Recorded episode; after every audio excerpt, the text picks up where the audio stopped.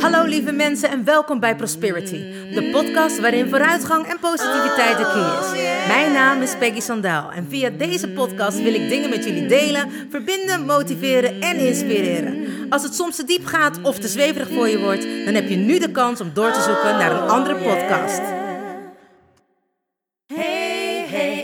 You still there? Do you want to listen or just don't care? I'm singing my song and talking my talk. Talk away your feeling and walk my walk. I'm here to share, connect and give. All I got, I call it God's gift. So listen and learn and do what's good for you. I have no expectations,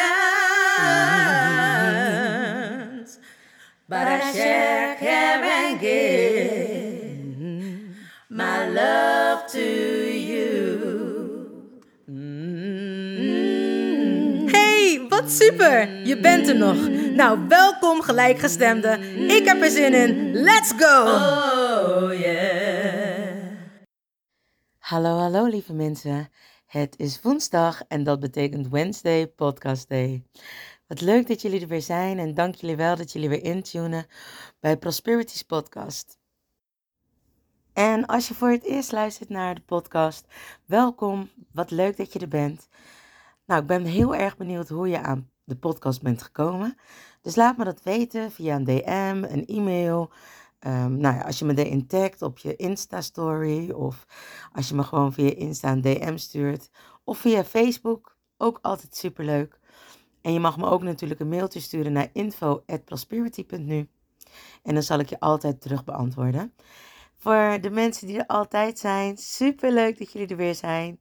Dankjewel dat je weer luistert en dat je weer intuned. Voor jullie geldt natuurlijk ook hetzelfde. Dat ik altijd leuk vind als je me laat weten wat je ervan vindt. Stuur me een DM, een e-mail op info@prosperity.nu of tag me in je Insta stories, zodat ik weet dat je ernaar luistert.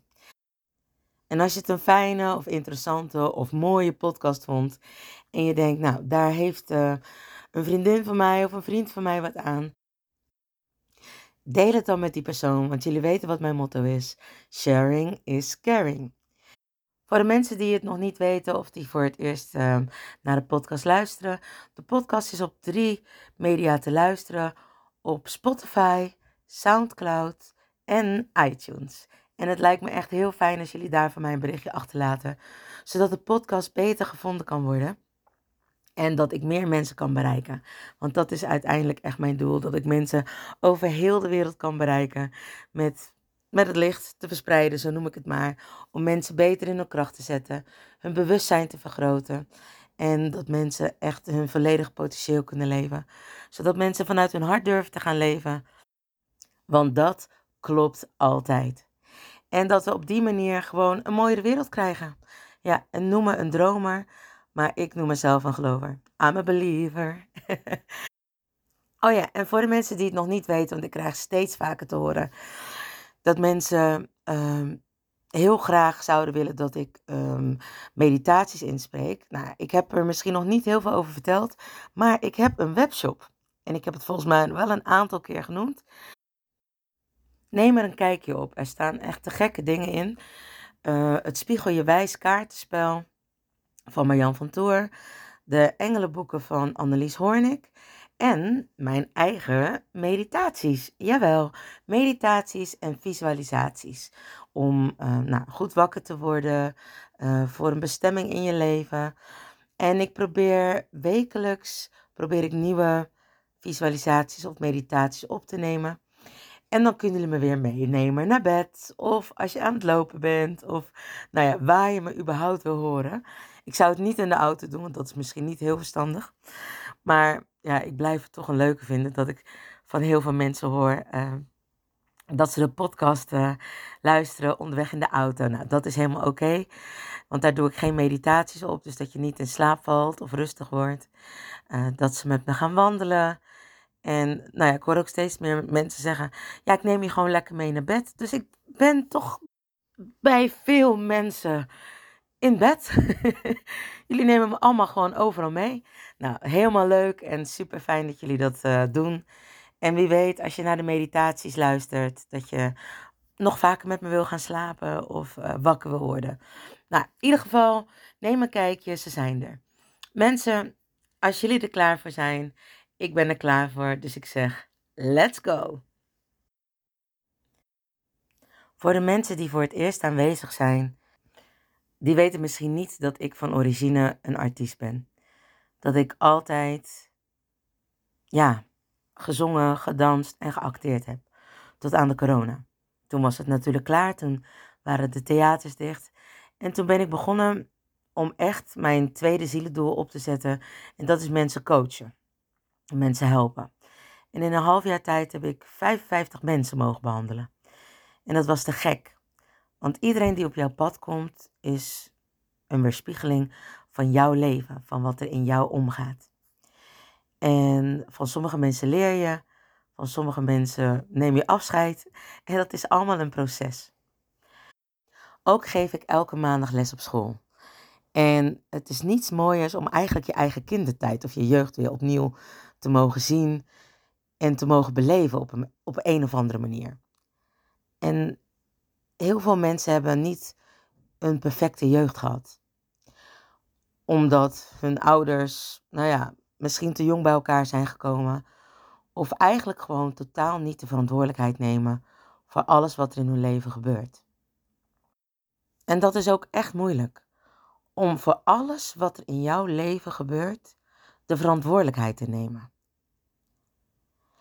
En dat is natuurlijk mijn geloof, waar ik het al eerder over heb gehad. Ik geloof erin dat kinderen hun ouders kiezen. Ik geloof erin dat je in het licht met elkaar bent. En het licht is zeg maar, zo noem ik het, als je voordat je naar beneden komt. Dit is mijn geloof. Alles wat ik zeg hier op de podcast zijn de dingen waar ik in geloof. En ik zeg altijd, je hoeft er niet in te geloven, maar sta ervoor open. Ik wil je bewustzijn verhogen. Ik wil dat je ik wil je meenemen in mijn reis. Ik wil je meenemen om anders te kunnen denken en dingen niet alleen maar zwart-wit te zien, maar je brein te buigen over andere dingen. Om te kijken of dat je misschien daarin kan vinden. Om te kijken of dat op die manier je leven makkelijker wordt. En zo niet, nou ja, wat ik al in het begin zing. Je mag luisteren, maar je mag ook wegzeppen. En blijf je wel, dan picture this. In ieder geval, ik had het over het licht. Voor de mensen die niet weten wat ik daarmee bedoel. Het hiernamaals, de hemel. Het, de plek voordat alles begint, voordat wij op aarde komen. Overigens, een hele mooie film daarover van Disney is Soul, S-O-U-L. En ik spreek daar ook nog een stemmetje in. Ik ben daar de jazzzangeres, Dorothea Williams. Nou, als je dus in het licht bent en misschien als je mee wilt tekenen, zou ik een cirkel maken en daarin allemaal puntjes. En die puntjes zijn allemaal zielen. Ik geloof erin dat wij een ziel zijn met een lichaam. En dat ons ziel altijd kan terugkeren naar de aarde. En dat we iedere keer in een ander omhulsel komen. Een omhulsel wat wij nodig hebben om dan op aarde te zijn. Zo ook spreken wij af met ons team, ons engelenteam of ons zielenteam, hoe je het wil noemen. Maar daar spreken we mee af wat we willen leren. En hoe we dat willen leren. En dat is soms heel erg moeilijk. Want ik zeg altijd, in het licht is alles heel licht. En wanneer je dan op aarde komt, heb je de zwaarte kracht. Mijn moeder zei altijd, overal waar te voor staat, is niet goed, behalve tevreden. En zwaar, te kracht, is voor sommige mensen te krachtig. In het licht is alles heel makkelijk en denk je, nou weet je wat, ik kom naar beneden en ik besef me dat ik niet bij deze ouders kan blijven, in mijn geval, want ik wil wel bij hun zijn. Misschien omdat ik de kleur heel fijn vind, moet ik in Suriname geboren worden of uh, hè, had ik ook in Afrika geboren kunnen worden. Maar Suriname was voor mij makkelijker naar Nederland toe te komen. Want ik wist dat daar mijn ouders waren die voor mij zouden gaan zorgen. Mijn wensouders. En dus nou ja, ik weet dat ik niet bij deze ouders blijf. Ik heb daar de baarmoeder van nodig. Uh, maar ik heb daar de, de opvoeding van nodig in Nederland.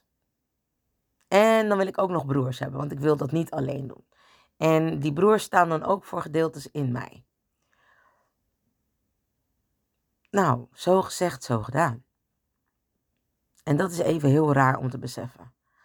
Want natuurlijk, als je een pleegkind of als je geadopteerd bent, heb je moeite met hechten. Heb je moeite met misschien wel meer dingen.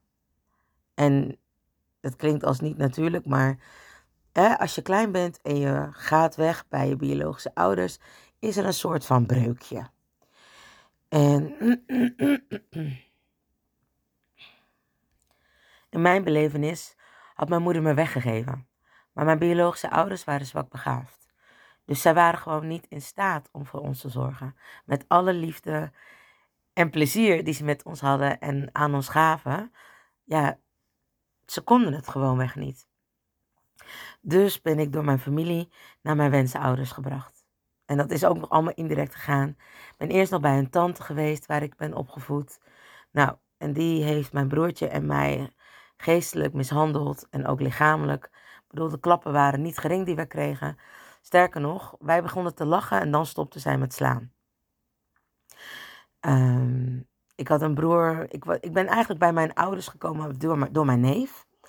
En mijn ouders hadden dat niet echt overlegd dat ik zou komen. Ik bedoel, ik kwam gewoon aan en ik zei: Mama! En mijn moeder was in één klap verliefd. En van een dag bleef ik een weekend. Van een weekend bleef ik een week. En van een week bleef ik een maand. Van een maand naar een jaar. En van een jaar ben ik nooit meer weggegaan. Gelukkig ook maar. Want, uh, nou ja, mijn biologische moeder is nooit uit haar ouderlijke macht gezet. Want dat vond mijn vader niet oké. Mijn vader vond, ze heeft je met liefde gekregen. En ze heeft je niet kunnen verzorgen. Hoe erg is het dan voor een moeder dat een kind bij haar wordt weggehaald en dat andere mensen daarvoor moeten zorgen? En dan moet ik haar ook nog eens de pijn geven dat ik haar uit de ouderlijke macht zet. Nee, zei hij. Als plegen een optie is, dan doen we dat met liefde. Nou, en daar begon mijn reis met mijn ouders. Ik bleef bij mijn ouders en moest af en toe terug naar mijn tante. Maar omdat mijn tante steeds minder te vertellen had over ons. En het was heel erg. Ik heb wel eens vaker verteld dat mijn tante ons heel erg bang maakte.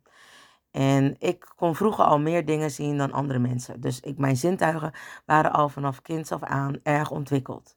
Elk kind, zijn zintuigen zijn volop aan. Alleen het is wat ermee gebeurt door de opvoeding of dat ze dichtgaan of niet. En daar bedoel ik mee, elk kind kan vaak dingen zien die andere mensen niet kunnen zien. Dus zielen of uh, nou ja, engelen of lichtwezens, noem het maar op.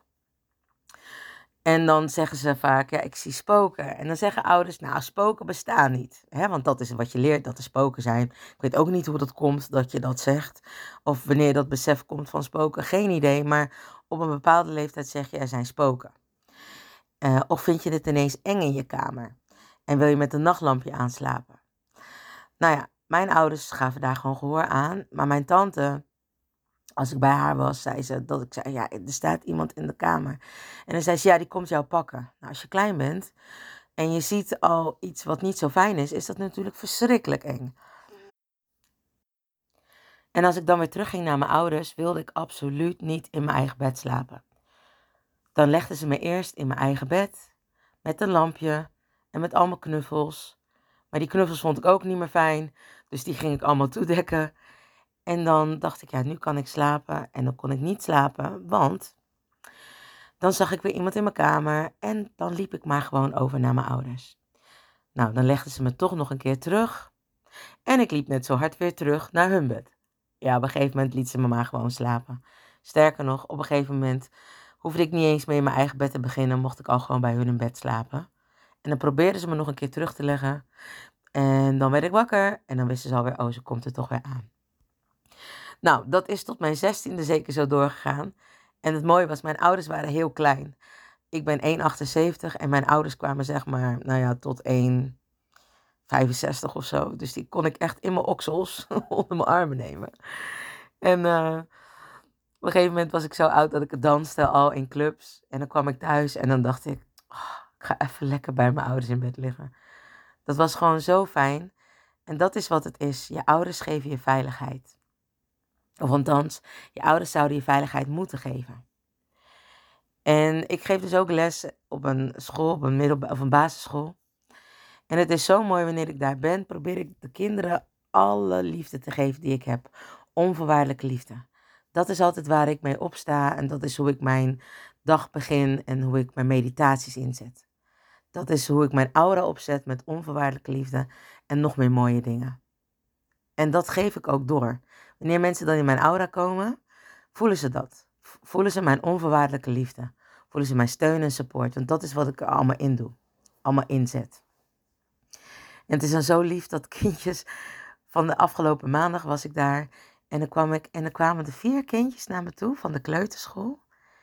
En die kwamen binnen en dan doen ze altijd of een high five, maar dat mag dan nu eigenlijk niet. Maar ja, hè, je moet meer afstand houden, maar probeer het maar eens bij kleuters te doen. Dat is natuurlijk heel erg moeilijk. Zeker wanneer ze vallen, wil je ze troosten en komen ze naar je toe omdat ze getroost willen worden. En ik heb iets bedacht dat de juffrouw kan toveren.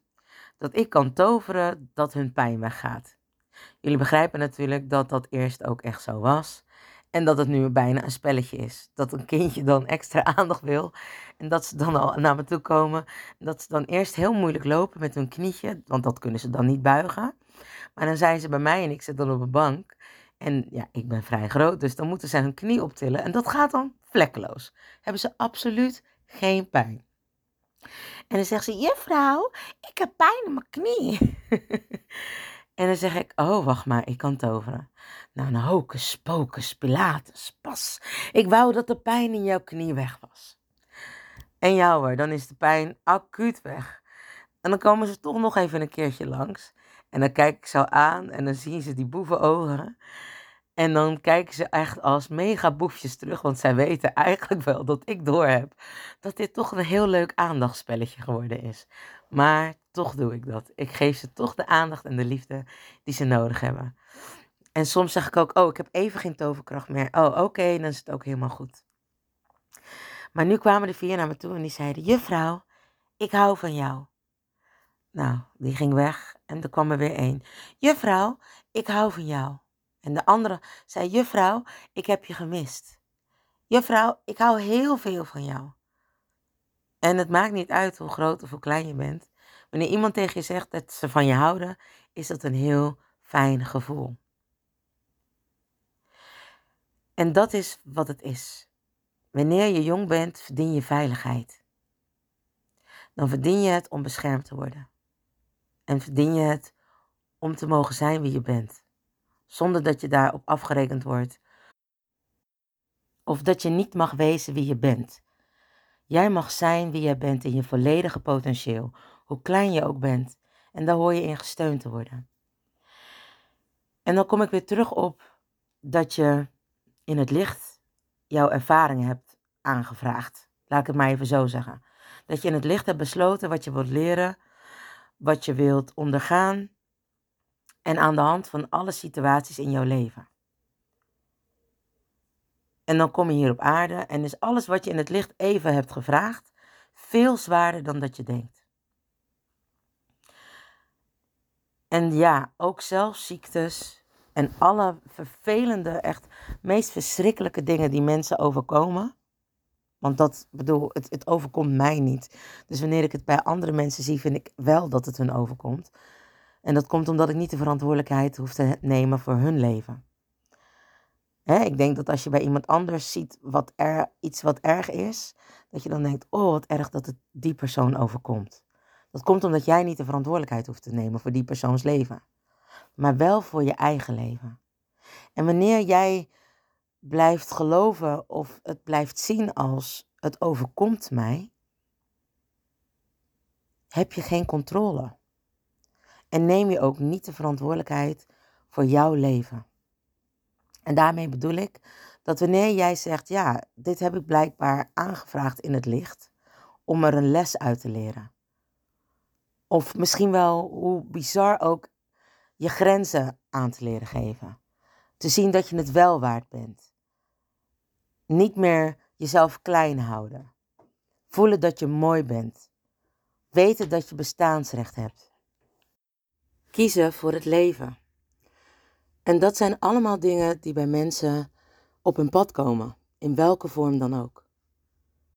Wanneer ik een voorbeeld geef, doe ik dat altijd het liefst met dat van mezelf, omdat ik dat heb meegemaakt en daar dan ook een oordeel over mag hebben. Ik zeg het maar zo, omdat ik een donkere huidskleur heb, heb ik bepaalde dingen moeten of mogen meemaken. En ik zeg moeten om de ervaring te krijgen om andere mensen daarmee te kunnen helpen. Te kunnen zeggen, joh, als je het zo ziet, inderdaad is het discriminatie. Maar als je het zo ziet, is het maar net wat jij ervan mag leren. Dat jij jezelf volledig mag accepteren wie je bent. Wanneer je dat gaat doen, heb je er ook veel minder last van. Of kun je het anders zien? Een mooi voorbeeld hiervan is dat mijn man en ik weer bij elkaar waren. Of bij elkaar waren. Hè, voor sommige mensen die dit niet weten. Wij hebben tien jaar lang om elkaar heen gedraaid. Ja, dat is best een behoorlijke tijd voordat je beseft dat je echt bij elkaar hoort. Maar op die manier hebben we elkaar super goed leren kennen. En zijn we nu echt, nou ja, maatjes, partners in crime, geliefde, man en vrouw, name it. De whole we hebben het allemaal in één. Toen ik uh, voorgesteld werd aan zijn ouders, was het echt super leuk. En daarna zouden we een voorstelrondje hebben bij zijn broer. En dit was rond 5 december. Nou, inmiddels weten we allemaal wat voor tumult rond 5 december er gaande is. Toen was dat nog iets minder, maar ik kreeg het toen zelf op een andere manier voorgeschoteld. Mijn man werd gebeld door zijn broer en uh, die zei: Hey broer, hoe is het? Nou ja, en soms weet je van elkaar: hm, dit is een moment dat je belt, wat niet echt een moment is waarop jij zou bellen. Dus er is iets aan de hand. En dat zei hij ook: Hey broer, hoe is het? Is er iets? Ja, nou ja. Nee, niet echt hoor. Toen zei hij: Nou, maak van je hart geen moordkou. Vertel me wat er aan de hand is. Toen begon hij over een verhaal dat hij met zijn eh, kinderen was wezen wintersporten. En dat zijn zoon een donkere sportlerares had. Een ski-instructrice. en hij was daar nogal van slag van, want dat was rond 5 december. En dat het misschien wel verstandig was om mij op een later moment kennis te laten maken met de kinderen. Zodat ze niet weer die angst zouden voelen. De spiegel is natuurlijk dat hij meer angst had dan zijn kind. Voor wat er zou gebeuren. Ik zeg altijd tegen mensen: Sinterklaas is leuk, absoluut. Maar je mag ook leren dat er echt donkere mensen bestaan. Nou, jullie begrijpen dat dit natuurlijk een klein puntje was. Voor mijn man en zijn ouders. Omdat ik al zo jong zoveel had meegemaakt met betrekking tot uitschelden, pesten van mijn huidskleur, was dit niet meer een issue bij mij. Want ik had mezelf namelijk volledig geaccepteerd en vond mijn huid heel mooi. Dat hoorde ik elke dag van mijn moeder. Elke dag vertelde mijn moeder hoe mooi ik was. En hoe lief ik was. En wanneer ik me prikte, en zij ook, dat er allebei bij ons rood bloed uitkwam. En op die manier wist ik dat we allemaal gelijk waren. Welke kleur je ook had of hebt. Dus dat was voor mij geen issue meer. Want ik vond mezelf prachtig. Ik vond mijn kleur prachtig. Omdat mijn moeder altijd zei hoe mooi ik was. En niet eens mijn kleur, maar hoe mooi ik was. Dus ik zag geen kleur. Nog steeds zie ik dat niet. En toen mijn man me dit vertelde, want, zijn, want mijn schoonouders hadden zoiets van, oh, dat mag je er echt niet vertellen. En mijn man zei, mm, nou, als je pek kent, denk ik dat ik eerder ruzie heb als ik het er niet vertel, dan wanneer ik het er wel vertel. En hij vertelde het en ik moest alleen maar lachen. En ik zei, ah, oh, wat erg. Wat erg voor je broer. Dat hij nog zo bekrompen is. Maar dat komt helemaal goed. Ik had op dat moment natuurlijk ook helemaal uit mijn dak kunnen gaan. Maar dat voelde echt niet zo. Ik had echt oprecht medelijden met iemand die zo bekrompen was. Anno 2012 toen. En dat vond ik echt heel erg. Voor hem. En ik had toen opnames van Aaf. Een serie waar ik destijds in speelde.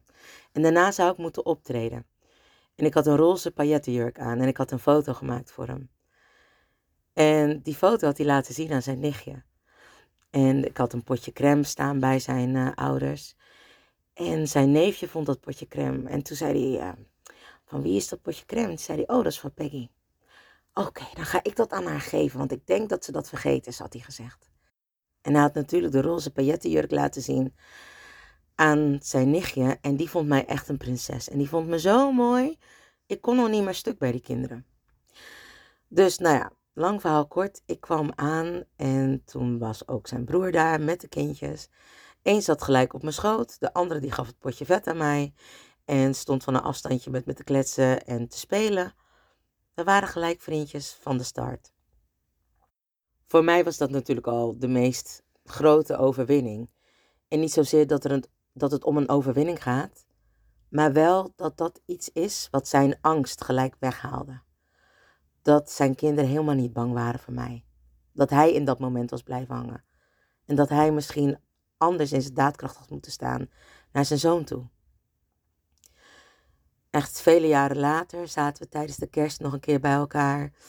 En uh, toen lagen de kinderen in mijn armen te slapen.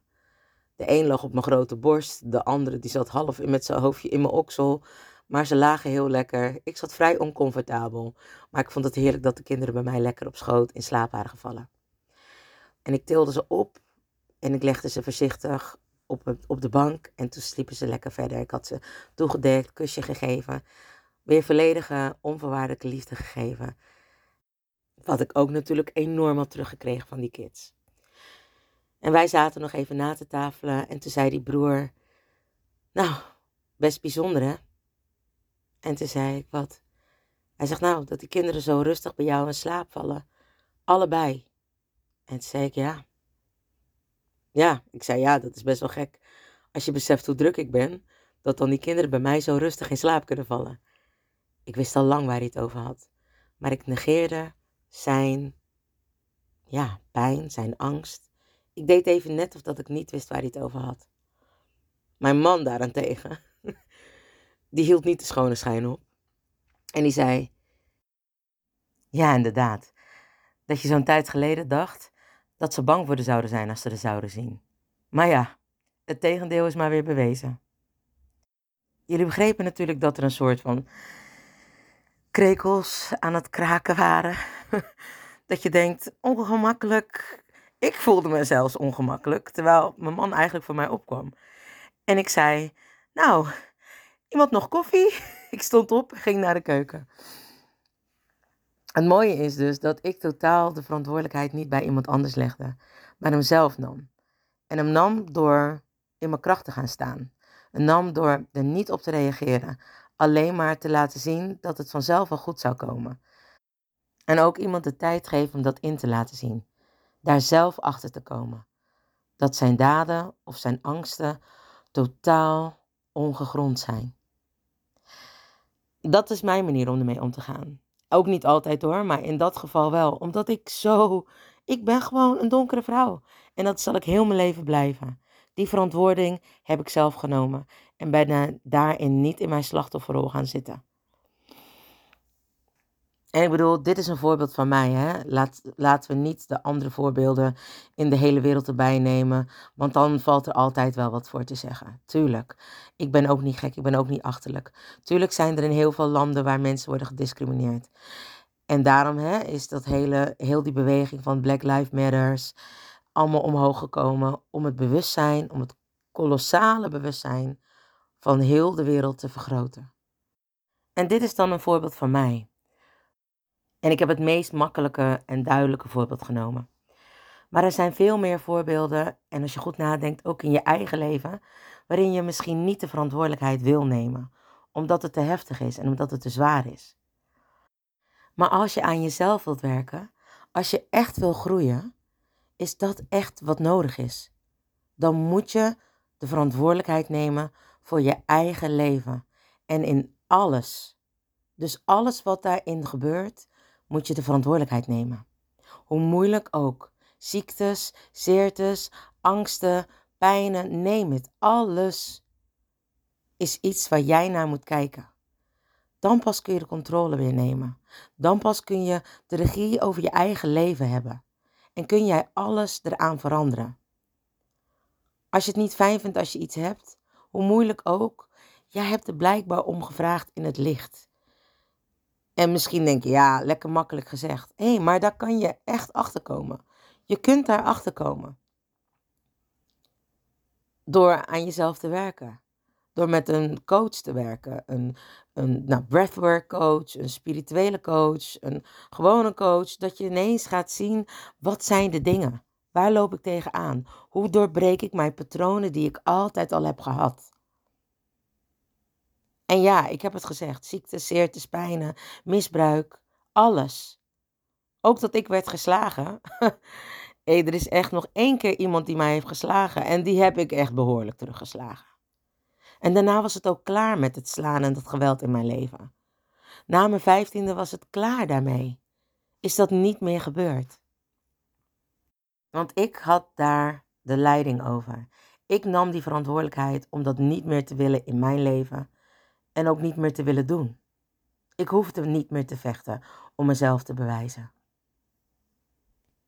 Dus wanneer je weer naar je leven kijkt of wanneer je niet lekker in je vel zit, ga na hoe het komt. Ga er stap voor stap doorheen. Bekijk je patronen. Probeer ze te doorbreken. Sterker nog, doorbreek ze, want dan ga je resultaat zien. Ontwikkel een ander patroon, een positief patroon. Ja, en dat heb je niet binnen één dag gedaan. Daar is continuïteit voor nodig. Als je één keer naar de gym gaat, ja, dan heb je geen spierbal aan het eind van de dag. Ik heb altijd wel, als ik één dag goed heb gegeten, dat ik denk, oh, ik ben zoveel afgevallen.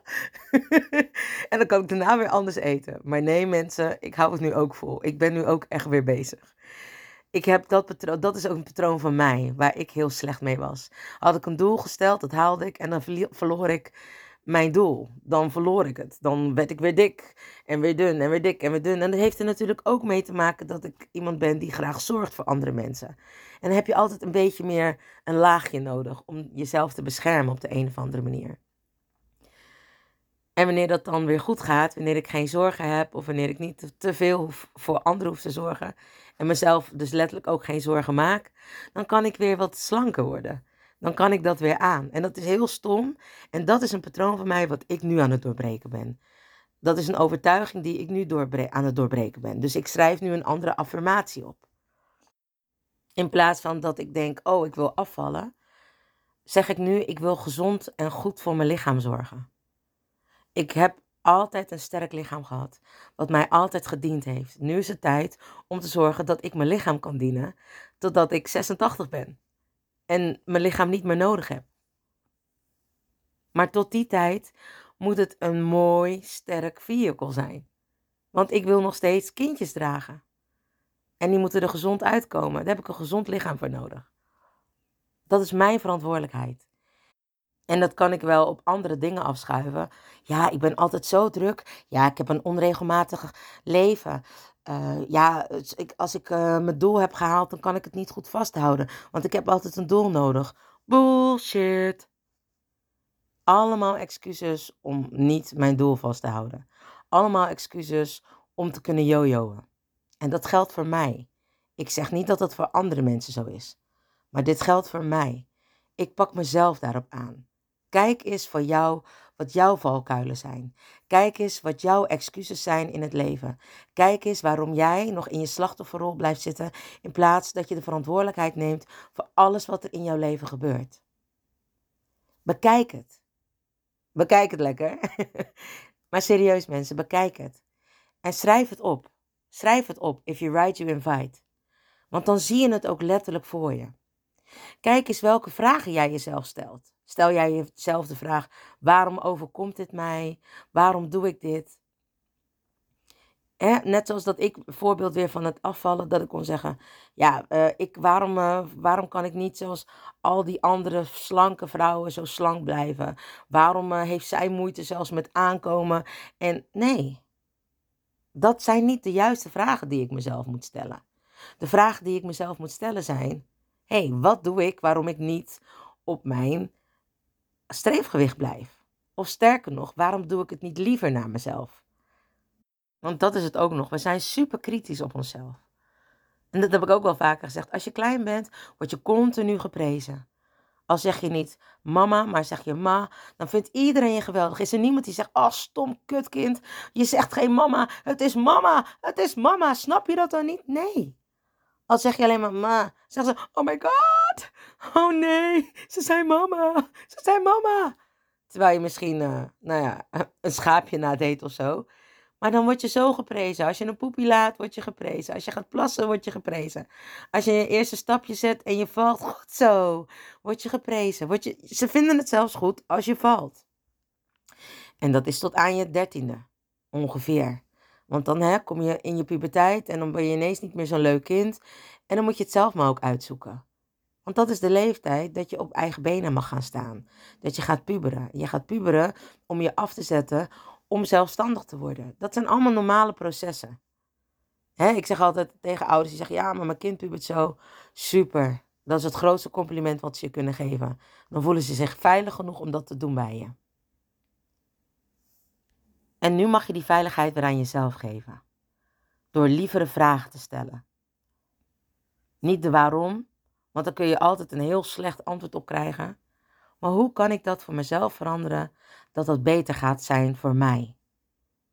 Nou, en daar kun je heel veel mooie antwoorden op krijgen. Lukt het je niet alleen? Vraag hulp. Sterker nog, jullie weten me allemaal te vinden. en als je het niet met mij wilt doen, doe het met iemand anders. Soms heb je gewoon even iemand nodig om je te helpen. En dan kun je het daarna allemaal weer zelf doen. We hadden vroeger ook elkaar nodig om te groeien. En dat heb je nog steeds. Je hebt nog steeds andere mensen nodig om te groeien, om een klankbord te zijn. Doe ik het wel goed, doe ik het niet goed? En daar is niks mis mee. Je bent groot door klein te zijn en je bent nooit te oud om te leren. Dus leer. Maar doe het met liefde. Onvoorwaardelijke liefde naar jezelf toe, want je bent het waard. Dus grijp die kans, pak je verantwoordelijkheid en wees de baas van je eigen leven. Ik weet zeker, 100% zeker, dat je leven zoveel leuker gaat zijn en zoveel mooier, dat je echt vanuit je hart kan gaan leven. Want we weten allemaal dat dat altijd klopt. Mensen, bedankt voor het luisteren naar Prosperity, de podcast met vooruitgang en positiviteit als de key. Heb je iets aan deze podcastaflevering gehad of denk je, ik ken vast iemand die er iets aan heeft? Deel dan alsjeblieft de podcast, want ik geloof in sharing is caring. Ben je geïnspireerd en of gemotiveerd? Tag me dan met een screenshot via Instagram, deel het op je story of andere social media. Vergeet me niet te volgen, zodat je op de hoogte blijft van alle podcastafleveringen. En ik zou het te gek vinden als je de podcastaflevering opzoekt op SoundCloud of Spotify en laat een berichtje achter. Hoe meer berichtjes, hoe beter de podcast naar voren komt. En zo kunnen we met z'n allen een mooi ripple effect maken. Nogmaals dank en vergeet niet van jezelf te houden. Dan doe ik het sowieso. I salute you with love and remember, we are lucky. Baby, you're so lucky. Honey, you are free. You just need to love yourself. That's all I wanna see. You're here to learn. You're here to shine. You're so radiant. Don't waste no time. Don't let nobody tell you what to do. Cause you are perfectly fine, and that's the truth. Baby, you're so lucky. Honey, you are free. You just need to love yourself. That's all I wanna see. Baby, you're so lucky. Honey, you are free. You just need to love yourself. That's all I wanna see.